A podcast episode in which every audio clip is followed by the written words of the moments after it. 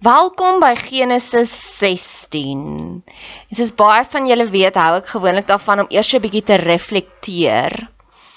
So in Genesis 15 sluit God hierdie verbond met Abraham. As jy die hele boodskap wil gaan luister, stuur net 'n boodskap en dan stuur ek vir die link na die hele Genesis 15 toe. Maar op 'n stadium bring Abraham vir God diere. Hy offer iets vir God op en God antwoord met hom met vuur. Ek is besig om TikTok te bemeester. Ek het agtergekom van al die platforms waarop ek boodskapies uitstuur, is TikTok die vinnigste reaksie. Dis dit ja, dis 3 weke in die journey and it blows my mind. Maar hoekom ek dit sê, baie van hulle begin hulle TikTok video's met die volgende woorde: Ek weet nie wie moet dit hoor vandag nie, maar en ek wil actually begin met daai intro om te sê ek weet nie wie moet dit hoor vandag nie, maar as jy net vir God probeer soek deur om dinge te offer, deur om dinge uit te sny uit jou lewe uit. Ek praat baie keer met mense en ek weet hier is kerke ook wat die jong mense probeer beïnvloed om te sê moet glad nie drink nie. 'n Wyntjie op sy tyd is goed. Maar as jy God en daar is 'n tyd van vas, daar is 'n tyd van elimineer. Dit is een van die vele maniere maniere om na God toe te gaan, maar daar's ander maniere ook. Soos om na hierdie boodskappe te luister, soos om te journal, soos om te bid. Jy kan nie net vir God vind deur om te kyk wat kan jy alles uit jou lewe uitsny, soos alkohol of wat ook al jou wys is wat God vir jou wys om uit jou lewe uit te sny. Nee, ek ken baie mense wat net vir God probeer vind deur om dinge uit hulle lewe uit te sny. Om net vir God te probeer vind deur om dinge uit jou lewe uit te sny, so goed soos jy praat net met jou man oor die weer. Jy gaan niks anders van jou man leer ken nie. Jy moet baie keer oor emosies praat, jy moet baie keer oor drome praat. Jy moet baie keer praat of 'n spar of checkers die beste winkel. So God Abraham gee vir God, hy offer iets vir God op. So ja, baie keer is daar 'n plek om gedinge op te offer vir God, om dinge weg te gee vir God. Maar wat ek die meeste van daardie storie hou is God is die God wat met vuur antwoord. God het iets hemels op Abraham laat toesak toe God toe Abraham iets opgeoffer het. Ek wil daagliks sê God moet op met vuur antwoord in my lewe. Ek offer nou iets op. Ek kan eerder nou saam my vriendinne gaan kuier, maar ek kies om eerder Bybelstudie te doen. Ek kan baie makliker nou eerder net lê en Netflix kyk, maar ek kies om dit op te offer met God. Maar ek weet God is die God wat met vuur antwoord. En ek wil daagliks Ek wil sê Here gee my my daaglikse vuur, u hemelse vuur soos wat u vir Abraham gegee het. Vir elke sekonde wat ek opoffer in die Here se teenwoordigheid, wil ek graag hê dat hy met my reward daarvoor, hy met my beloon daarvoor. Keer op keer sal dit kom in gesprekke waar ek sal wonder oor iets in my journal en dan kom 'n vriendin en sê sy ek wonder hoe hieroor en sê ek soos wow, het jy my journal gelees? Of ander kere sal dit wees waar ek 'n geskenk kry. Soos verlede week van my praktyk, ek's 'n Montigenis, het iemand vir my die mooiste gebreide sakkie gebring en ek sê so, "Wow, dit is die Here wat met vuur antwoord." Of gister was ek vinnig in die spar en die timing was so perfek. Ek was seker 5 minute in die spar. Ek het presies geweet ek's 'n creature of habit. En in daai 5 minute het die Here my so bederf. Daar's een bestuurder wat baie oulik is en hy het my persoonlik kom groet. En die liedjies in die spar was gorgeous. En daar's een kassier van die vier kassiere is 'n klein sparretjie wat ek die meeste van hou. En ek het sy het my bedien. Ek het so daar teruggestap in die kar en ek wow Here dit was nou regtig lekker. God is die God wat met vuur beantwoord So net nadat Hagar swanger geraak het, gebeur daar hierdie verskriklike groot skuif. En ek wat 'n groot rebellie is, wat 'n aktivis is vir ons emosies. Ek glo as dit goed gaan met ons hart, gaan dit goed met alles in ons lewe. So hierdie punt was nogals vir my baie groot. En hy het by Hagar ingegaan en sy het swanger geword. Maar toe sy sien dat sy swanger was, het haar meesteres veragtelik in haar oë geword. As jy gaan kyk wat sê Hebreëse wortel vir haar die woord veragtelik, met ander woorde sy het haar meesteres vervloek. Sy het Hagar, sy het niks van Hagar gehou nie in 'n oogwink. Nou wie het Genesis geskryf? Moses het Genesis geskryf nadat God vir Moses geopenbaar het dit is hoe die dinge gewerk het. Wie is die narrator van jou lewe? Wie vertel jou lewensstorie? Wat daarvan is elke keer wanneer ons voorwerp geword het waarvan iemand nie meer hou nie. Een oomblik hou hulle nog van ons, dan gebeur daar iets wat ook al die iets is en ewe skielik is hulle nie meer 'n veilige plek nie. Ewe skielik projekteer hulle hulle toksiese gedagtes op ons. So my eerste gebed is Here, wanneer daai skuif gebeur, sal U asseblief vir my kom wys want ons weet nie wat gebeur nie. Die een oomblik is hierdie 'n goeie vriendin en sy doen vir jou dinge en die volgende oomblik is jy haar slaansak. Die een oomblik hou hierdie persoon nog van jou en die volgende oomblik is hulle hart koud teenoor jou. En 90% van die kere gaan soek ons die fout by onsself. Ons kry seer. Maar hurt people hurt people. Ek wil dadelik daardie las van my afgooi. Die oomblik wanneer ek 'n voorwerp geword het in iemand anders se se narratief en hulle storie, wanneer ek ewe skielik 'n voorwerp is waarop hulle jaloers is, wat ook al die rede is, wil ek graag hê die Here moet dadelik daardie las van my kom afhaal. Dis hoekom dit so belangrik is om stoktyd te vat van ons lewe gereeld. Want dit is net 'n refleksie wat ons die patrone begin raak sien. Ek is 'n baie aktiewe journaler en so van tyd tot tyd gee ek vir myself die geskenk om stadig deur al die journals te gaan werk. En dan sal ek sien herhaaldelik hierdie een persoon het ewe skielik hulle hulle optredes teenoor my verander. En dis daardie optredes wat ek in die Here se hande gaan sit. Wanneer jy entoesiasties vir iemand iets vertel, soos hierdie is 'n ware verhaal. Ek het nou onlangs het ek 'n geskenk gekry, stap oorlosie en ek het dit vir iemand vertel en hulle dadelike optrede was O, ek weet van mense wat al 6 jaar terug so oorlosie gehad het. So dadelik was daar hierdie oomblik van ek het besef Hierdie persoon projekteer sy negatiewe gedagtes op my. Niks wat ek ooit doen gaan goed genoeg wees nie. En ek het gekies om nie seer te kry in daardie oomblik nie. Want ek is nie verantwoordelik vir sy emosionele genesing nie. Ons is nie verantwoordelik vir die ander persoon se emosionele genesing nie. Sarah het nie vir haar probeer sê ag my liefie, wat's fout? Kom ons praat hieroor. Nee nee. Hierdie is bietjie harsh reality. Wat gebeur het is daar was 'n skeiding tussen die persone. Baie kere is dit die beste maar net om die die ja, die interaksies met hierdie persoon te beperk en hulle die heeltyd voor die Here se voete te gaan neerlê. En toe het Hagar teruggekom en die verandering gehad dis oukei okay om te moan wanneer mense lelik is met ons. Ons is nie gemaak om deur maatjies te wees nie. Anders sou die Here nie hierdie stukkie in die Bybel gesit het nie. Dis oukei. Okay. Ons is Christene. Ons is lief vir ons boeties en sissies, maar partykeer mag ons sê wanneer ons boeties en sissies ons herhaaldelik seermaak.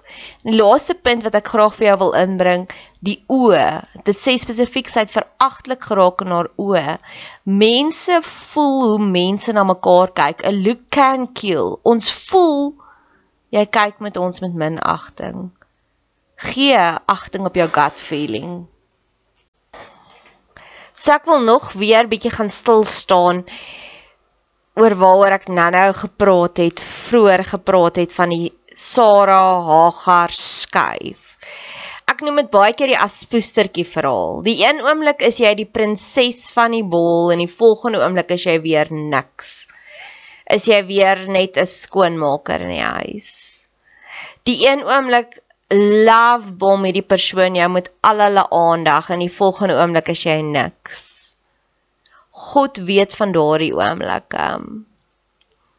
En dis hoekom hy sulke stories vir ons ingeskryf het om te sê hy weet hoe dit voel, dis 'n real thing, hy validate ons pyn om iemand te ghost. Ek is nou onlangs deur iemand geghost en meeste van my vriendinne weet nie wat dit beteken nie, so ek verduidelik dit vir hulle. Ek sê die een oomblik stuur hierdie persoon vir jou baie boodskappe en die volgende dag lees hy nie eers jou boodskappe nie. En dis 'n algemene dating term, maar ek dink dit gebeur tussen vriendinne ook. En dis niks wat jy verkeerd gedoen het nie. Dis daardie persoon se reaksie. Dis hurt people hurt people. So gaan gee daardie emosies ook vir God. Want God het daar's hierdie pragtige belofte van waar hy sê van Jesus het al ons smarte saam met hom gedra op die kruis. Met ander woorde wat dit vir my sê is God het 'n unieke oplossingsplan vir alles in jou lewe. Vir alles. En ek wil nog gaan stil staan daarby dat God het 'n unieke oplossingsplan vir alles. Weet jy hoe verwerp moes Jesus gevoel het? Ek wil sommer nou maar nog 'n bietjie meer praat oor verwerp. Dit het ook in hierdie week by my opgekom. Jesus het alles gegee vir sy disippels. Nee, hy was soos die awesome hero in hulle lewe. En dalk is jy ook in daardie posisie waar jy ook vir iemand baie gegee het. Jesus het vir hulle kos gegee. Hulle het wonderwerke gewitness. Jesus het probleme vir hulle uitgesort. Jesus was hulle geneesheer. Hy het vir Petrus se skoonma genees. En ek was ook al daar waar ek vir mense gebid het en vir vir hulle oom se tannie se vrou se kind wat 'n klein twintjie seer is, het ek al vir hulle ook gebid. Maar die oomblik toe Jesus hulle nodig gehad het, toe Jesus gesê het bid vir my in die tuin van Getsemane, het hulle aan die slaap geraak. Die oomblik in Jesus se lewe waar hy sy 12 chommies die nodigste gehad het of 11 op daai stadium want Judas was al klaar weg het hulle aan die slaap geraak. Hoe sad is dit? So selfs al voel jy ook soos dit, selfs dalk voel jy soos die Sara wat Hagar is ewe skielik net vieslik met haar. Dalk voel jy jy gee en jy gee en jy gee net vir die mense en een keer het jy iets nodig van hulle. En dit is so klein. Jesus wou net gehoor het hulle moes vir 'n uur lank bid. Dis dit. Na 3 jaar se awesomeness het hulle aan die slaap geraak. So gaan gee dit vir God, want weet jy wat, daar's twee dinge wat gaan gebeur. Abraham het deur traumas gewerk en elke keer het God vir hom hierdie beloftes van oorvloed gegee. God het eers van alles vir Abraham gesê klim uit die tent uit en dan tel jy die sterre van die lig want dis hoe groot ek jou nageslag gaan maak. Of later sê hy vir Abraham, soveel soos die stof van die aarde, dis hoe groot ek jou nageslag gaan maak. So wanneer ons ons hart seer, soos hierdie oomblikke vir God gee, mag ons daardie belofte skryf. Vanoggend het daai liedjie van ek weet nie wie sing dit nie. Phil Collins by my opgekom, You have no right.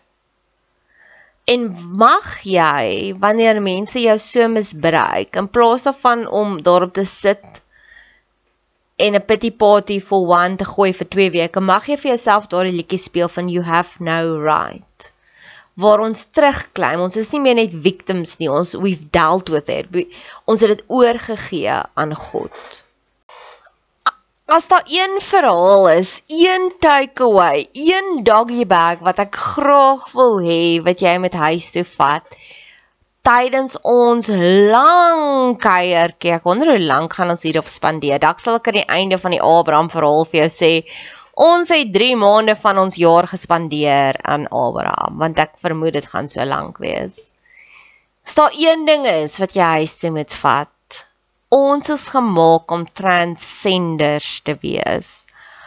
Ons as gelowiges is gemaak om die omgewing rondom ons te verander, te verbeter, om 'n impak te maak. En ek weet dalk klink hierdie soos 'n tall order nou vir jou.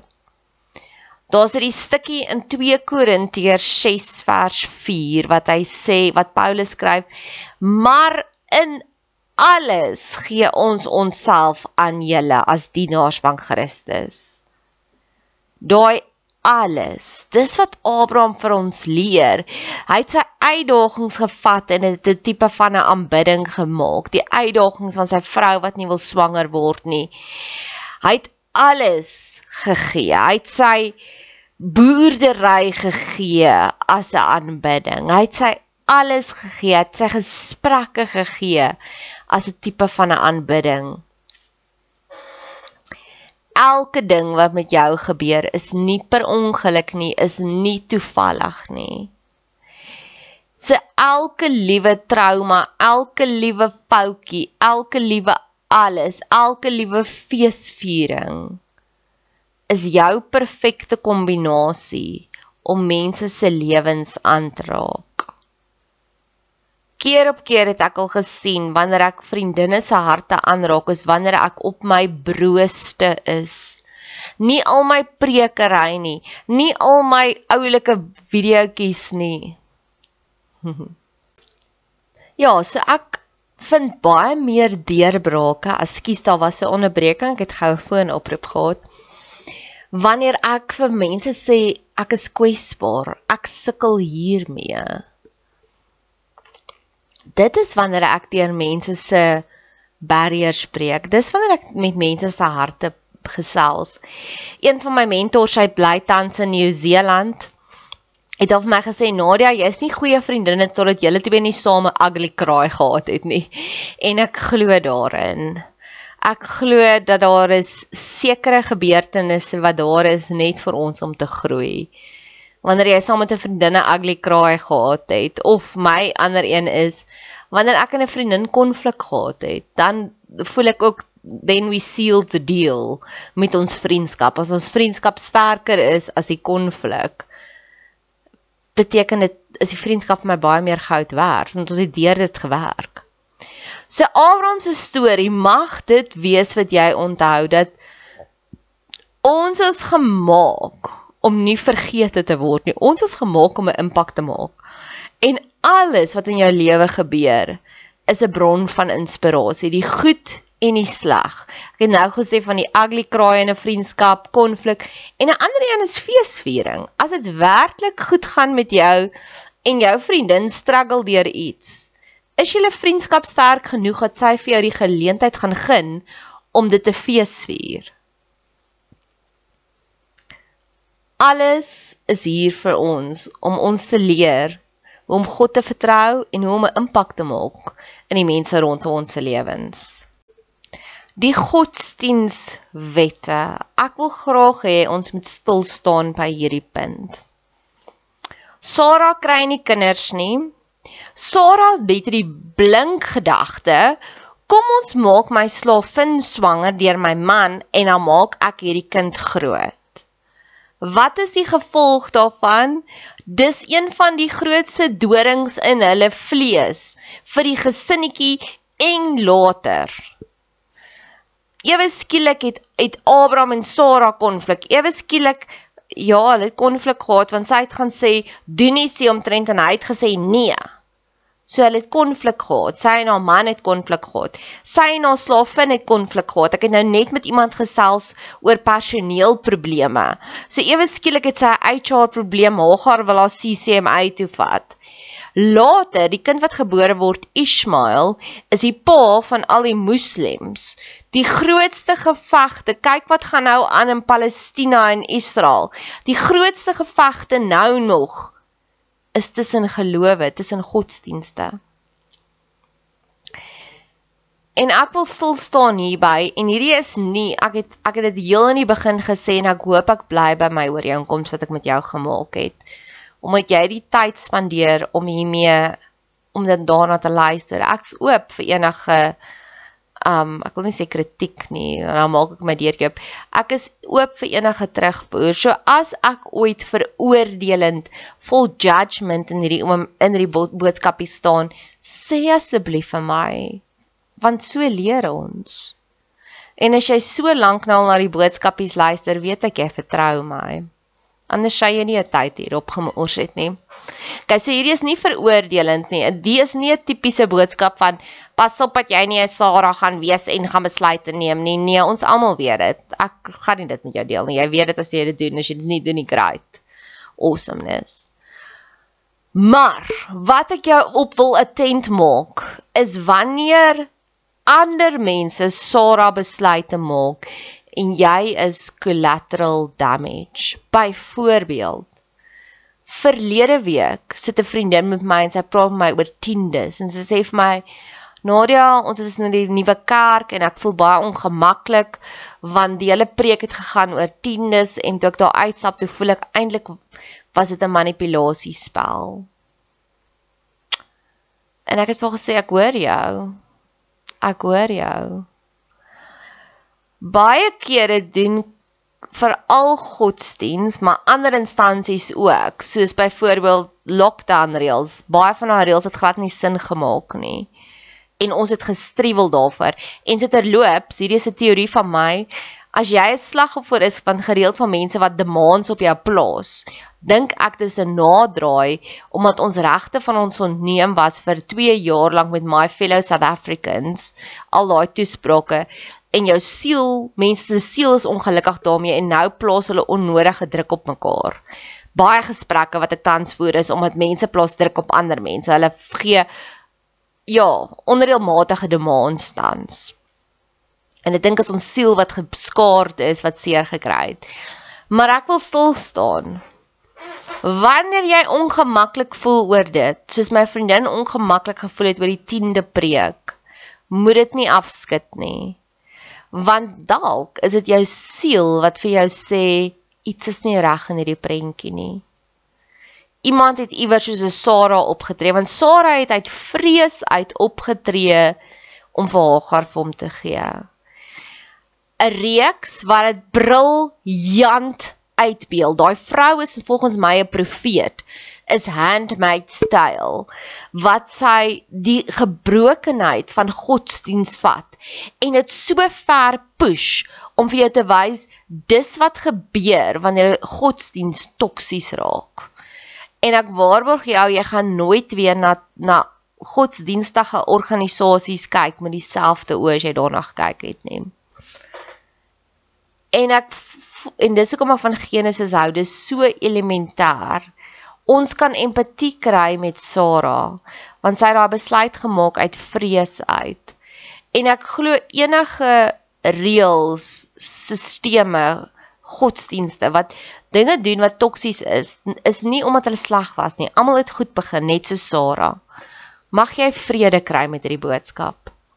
En hier begin die lekkerte. Hagar kry 'n visie van God. Hagar sien iets van God. Daai is my gorgeous.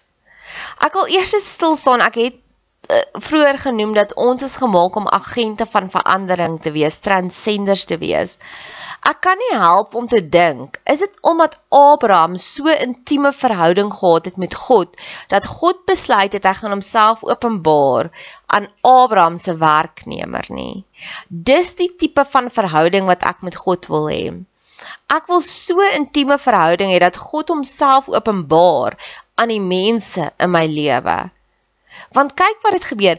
Abraham het nie agter Hagar aangehardloop en Hagar gesmeek om terug te kom nie. Abraham het aangegaan met die dinge soos altyd aangaan. En baie kere mors ons onnodige energie om agter die spreekwoordelike Hagars aan te hardloop en sê ek is jammer, ek is jammer, kom terug, kom ons maak dit reg. Nee.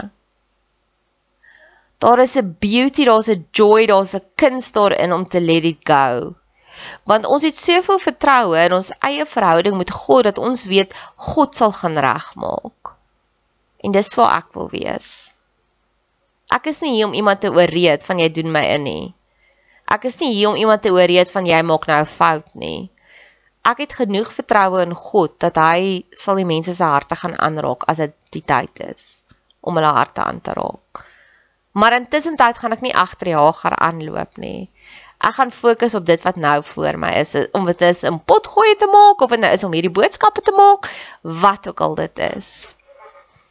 God openbaar homself aan Hagar en daai is profound. Hagar het seer gekry en Hagar was eintlik onskuldig, nê, nee, want Hagar het 'n opdrag uitgevoer en daar het emosies binne haar nou uitgewoed wat sy nie reg was voor nie. Ja, sy was lelik met Sarah. Ja, sy was. Maar sy was hormonaal, die vrou. En hoekom was sy hormonaal?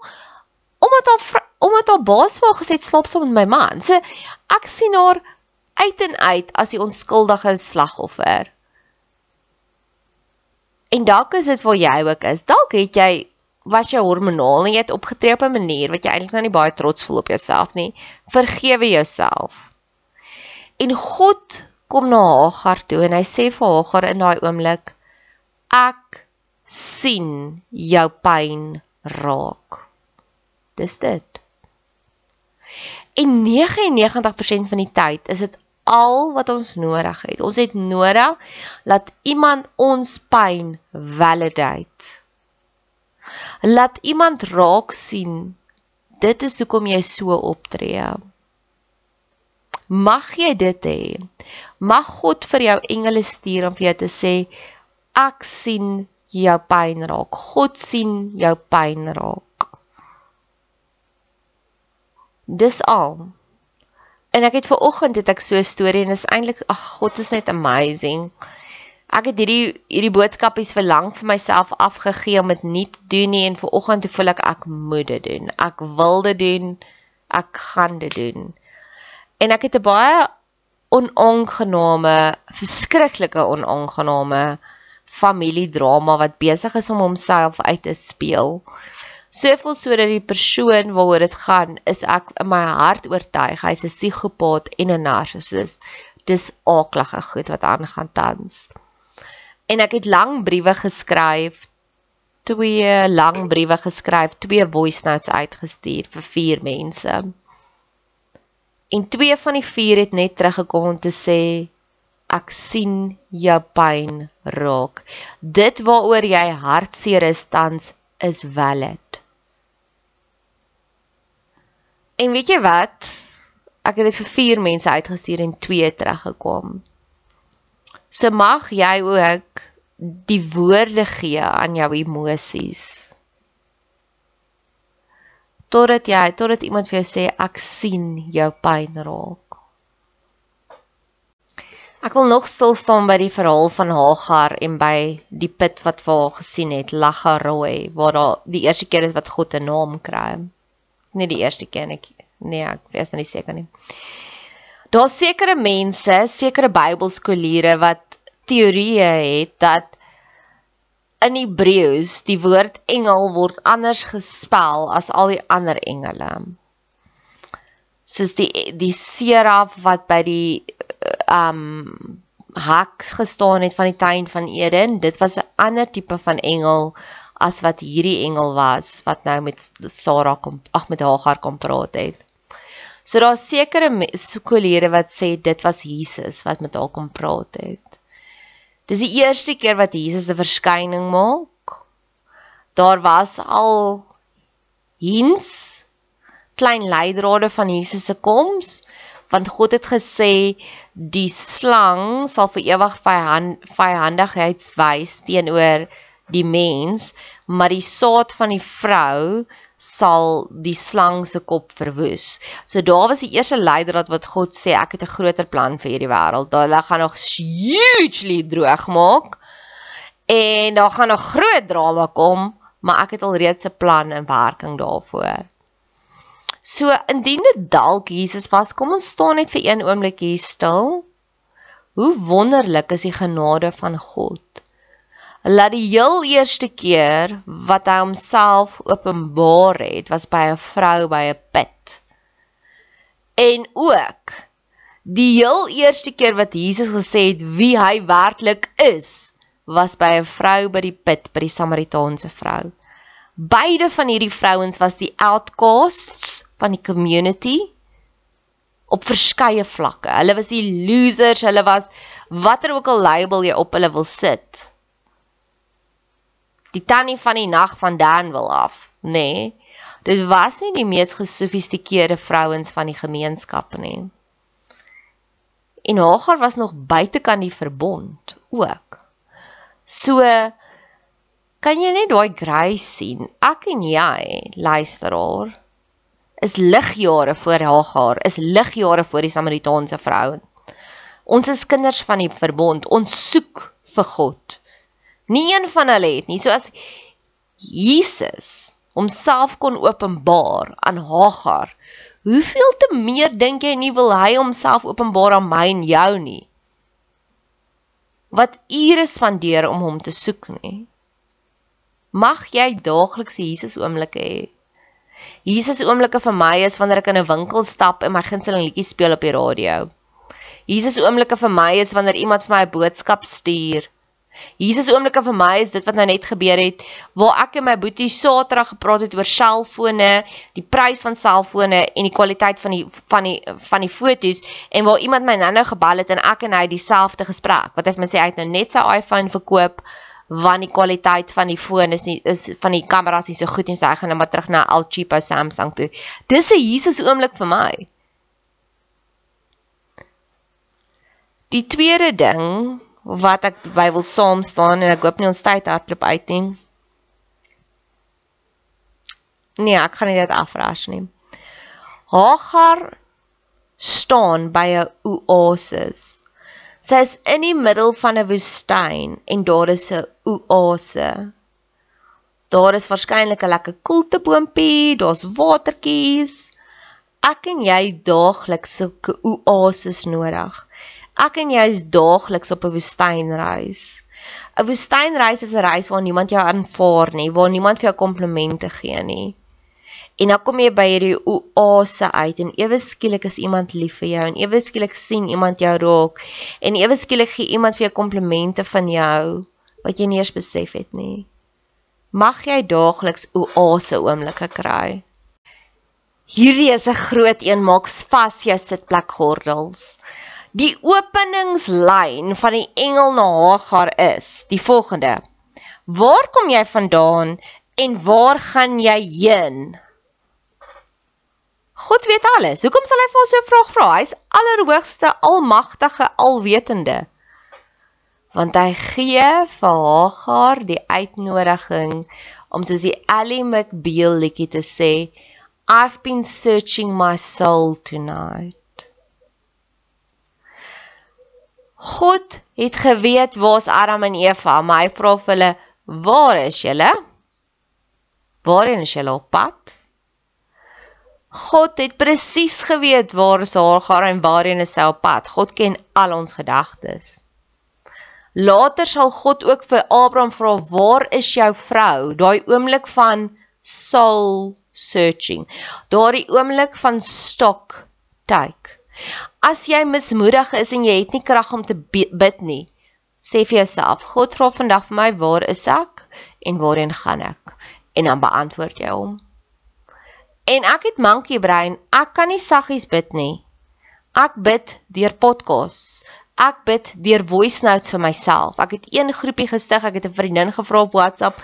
Ek gaan jou deel maak van hierdie groepie, maar gaan jou dadelik weer afval want WhatsApp se reëls laat nie toe dat jy net 'n groepie met een persoon hê nie. So daar's 'n groepie met die naam Bid vir Nadia en ek's die enigste deelnemer, ek en God. En as ek mismoedig is en ek ry iewers, dan stuur ek myself lang voice notes in dis bid. Ek bid. Waar is jy en waar is jy vandaan? Waar is jy tans en waarheen gaan jy? Byvoorbeeld, Waar is ek Nadia tans? Nadia tans is seer gemaak deur 'n familielid. Waarheen is Nadia op pad? Nadia is op pad na meer as 'n oorwinnaar, want ek weet God gaan hierdie storie vat en my so bemagtig dat ek duisende vrouens se harte kan aanraak deur hierdie storie. Waar is jy? Ek is tans dis waar ek tans is. Ek is so happy, content. Dis vir my so lekker tans om hierdie boodskapies op te neem, om te dink, om te bid oor waaroor gaan ek praat nou. So tans, as die Here vir my nou vra waar is jy tans, sal ek sê ek is so happy. Want gister het ek die hele dag gesukkel om in hierdie vloei in te kom en vandag kom dit net so. Maar ek het dan net gewonder, ek wonder hoe laat gaan ek kan slaap want as hierdie vloei aanhou. Ja. Want ek het 'n late start gehad. Waar is jy tans en waarheen is jy op pad? Mag jy vir jouself sulke vrae vra want die oomblik wanneer jy sorted is, gaan mense dit aanvoel. Die oomblik wanneer jou emosies in beheer is, gaan jy gaan hulle dit voel en hulle gaan jou meer vertrou. En dit begin met klein praktiese dinge soos waar is jy en waar is jou pad heen? Een van my ander gunsteling vra en ek glo die Here het dit vir my reveal wat hy's hy sê ons mag net diere eet wat herkou. En herkou beteken vir my om deur dinge te prosesseer om daarmee te werk. So een van my ander gunsteling stellings wat ek vir mense sê, veral mense wat gesond is, ek wil dit nie judgmental sê nie. Dan sal ek vir hulle sê ek vra baie keer vir mense, moenie vir my sê wat het met my met jou gebeur nie. Sê vir my wat het jy daaromtrent gedoen? Want so kan ek leer. Wat het met jou gebeur? Ek is nie in dieselfde posisie as jy nie maar as jy vir my sê wat het jy daaromtrent gedoen kan ek dalk leer. So ek kan hoor wat het jy daaromtrent gedoen hoe het jy daaroor gebid hoe het jy 'n beraader gaan sien hoe daai beraader vir jou 'n antwoord gegee kan ek my lewe verryk daarmee waar is jy en waarheen is jy op pad Ek wil stil staan by hierdie baie sensitiewe punt. Sara was kinderloos.